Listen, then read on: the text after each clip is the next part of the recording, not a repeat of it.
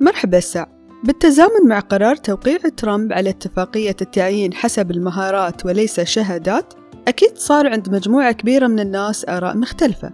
وبحكم اختصاصي في مجال الموارد البشرية كثار من اللي حولي بدأوا يتكلمون معاي في الموضوع ويشجعونه بالمطلق. وأنا ما أيد التشجيع المطلق لأن لازم نعرف قبل شو هي الوظائف اللي المهارة فيها أهم من الشهادة. ما يصير نأيد أو نرفض أي مبدأ بالمطلق بدون ما نفهمه من كل الجوانب.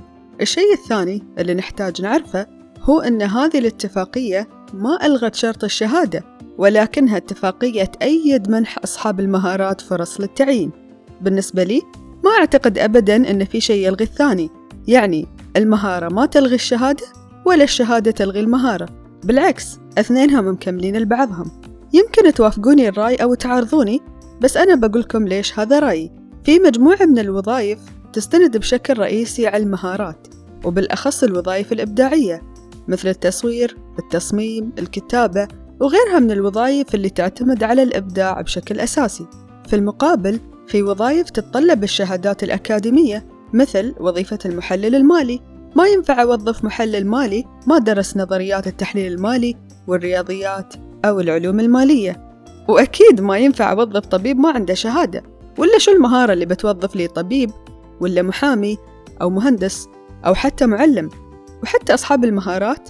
لازم يعرفون أن المهارة بروحها ما تكفي. ما حد يقدر يتطور وهو ما يقرأ ويتعلم ويتثقف في مجال المهارة اللي يمتلكها. المهارة بتساعدك تأدي المهام بشكل مرضي ولكن ما تساعدك تتطور إذا ما تعلمت أكثر. لما أطلب من أصحاب المهارة أنهم يستثمرونها بشكل استراتيجي للمستقبل ضروري أنهم يتعلمون أسس الاستراتيجيات والاستثمار وهذه ما تي بالخبرة هذه تي عن طريق التعلم. ممكن تقولوا لي أن الشهادة مو بإثبات أن الشخص فاهم وأنا بقولكم معاكم حق. والمهارة أيضا مو بإثبات أن هذا الشخص يقدر يخدمني على المدى الطويل وتثبت لي أنه قادر يتطور. أعتقد الهدف من هذا النوع من التسهيلات هو توفير عدد من الوظائف لفئة من الناس ما تقدر تكمل تعليمها وبنفس الوقت محتاجين يشتغلون. وأعتقد كذلك أن الهدف من وراها تقليل نسب البطالة في أمريكا.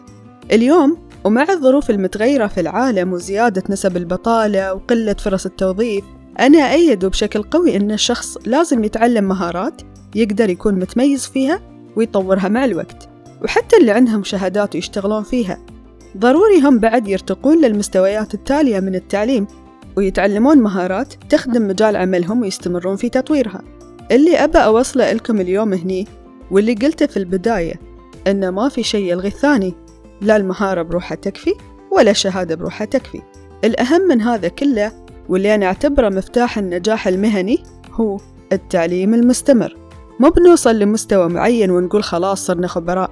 هذا شيء جدا غلط لأن العالم اللي حولنا يتغير بسرعة كبيرة ولازم نغير من أنفسنا ومن مستوى مهاراتنا عشان نواكب هالتغييرات بشكل مستمر وعشان يكون عندنا فرص أكبر للتوظيف أو للاستفادة من مهاراتنا في مشاريع شخصية.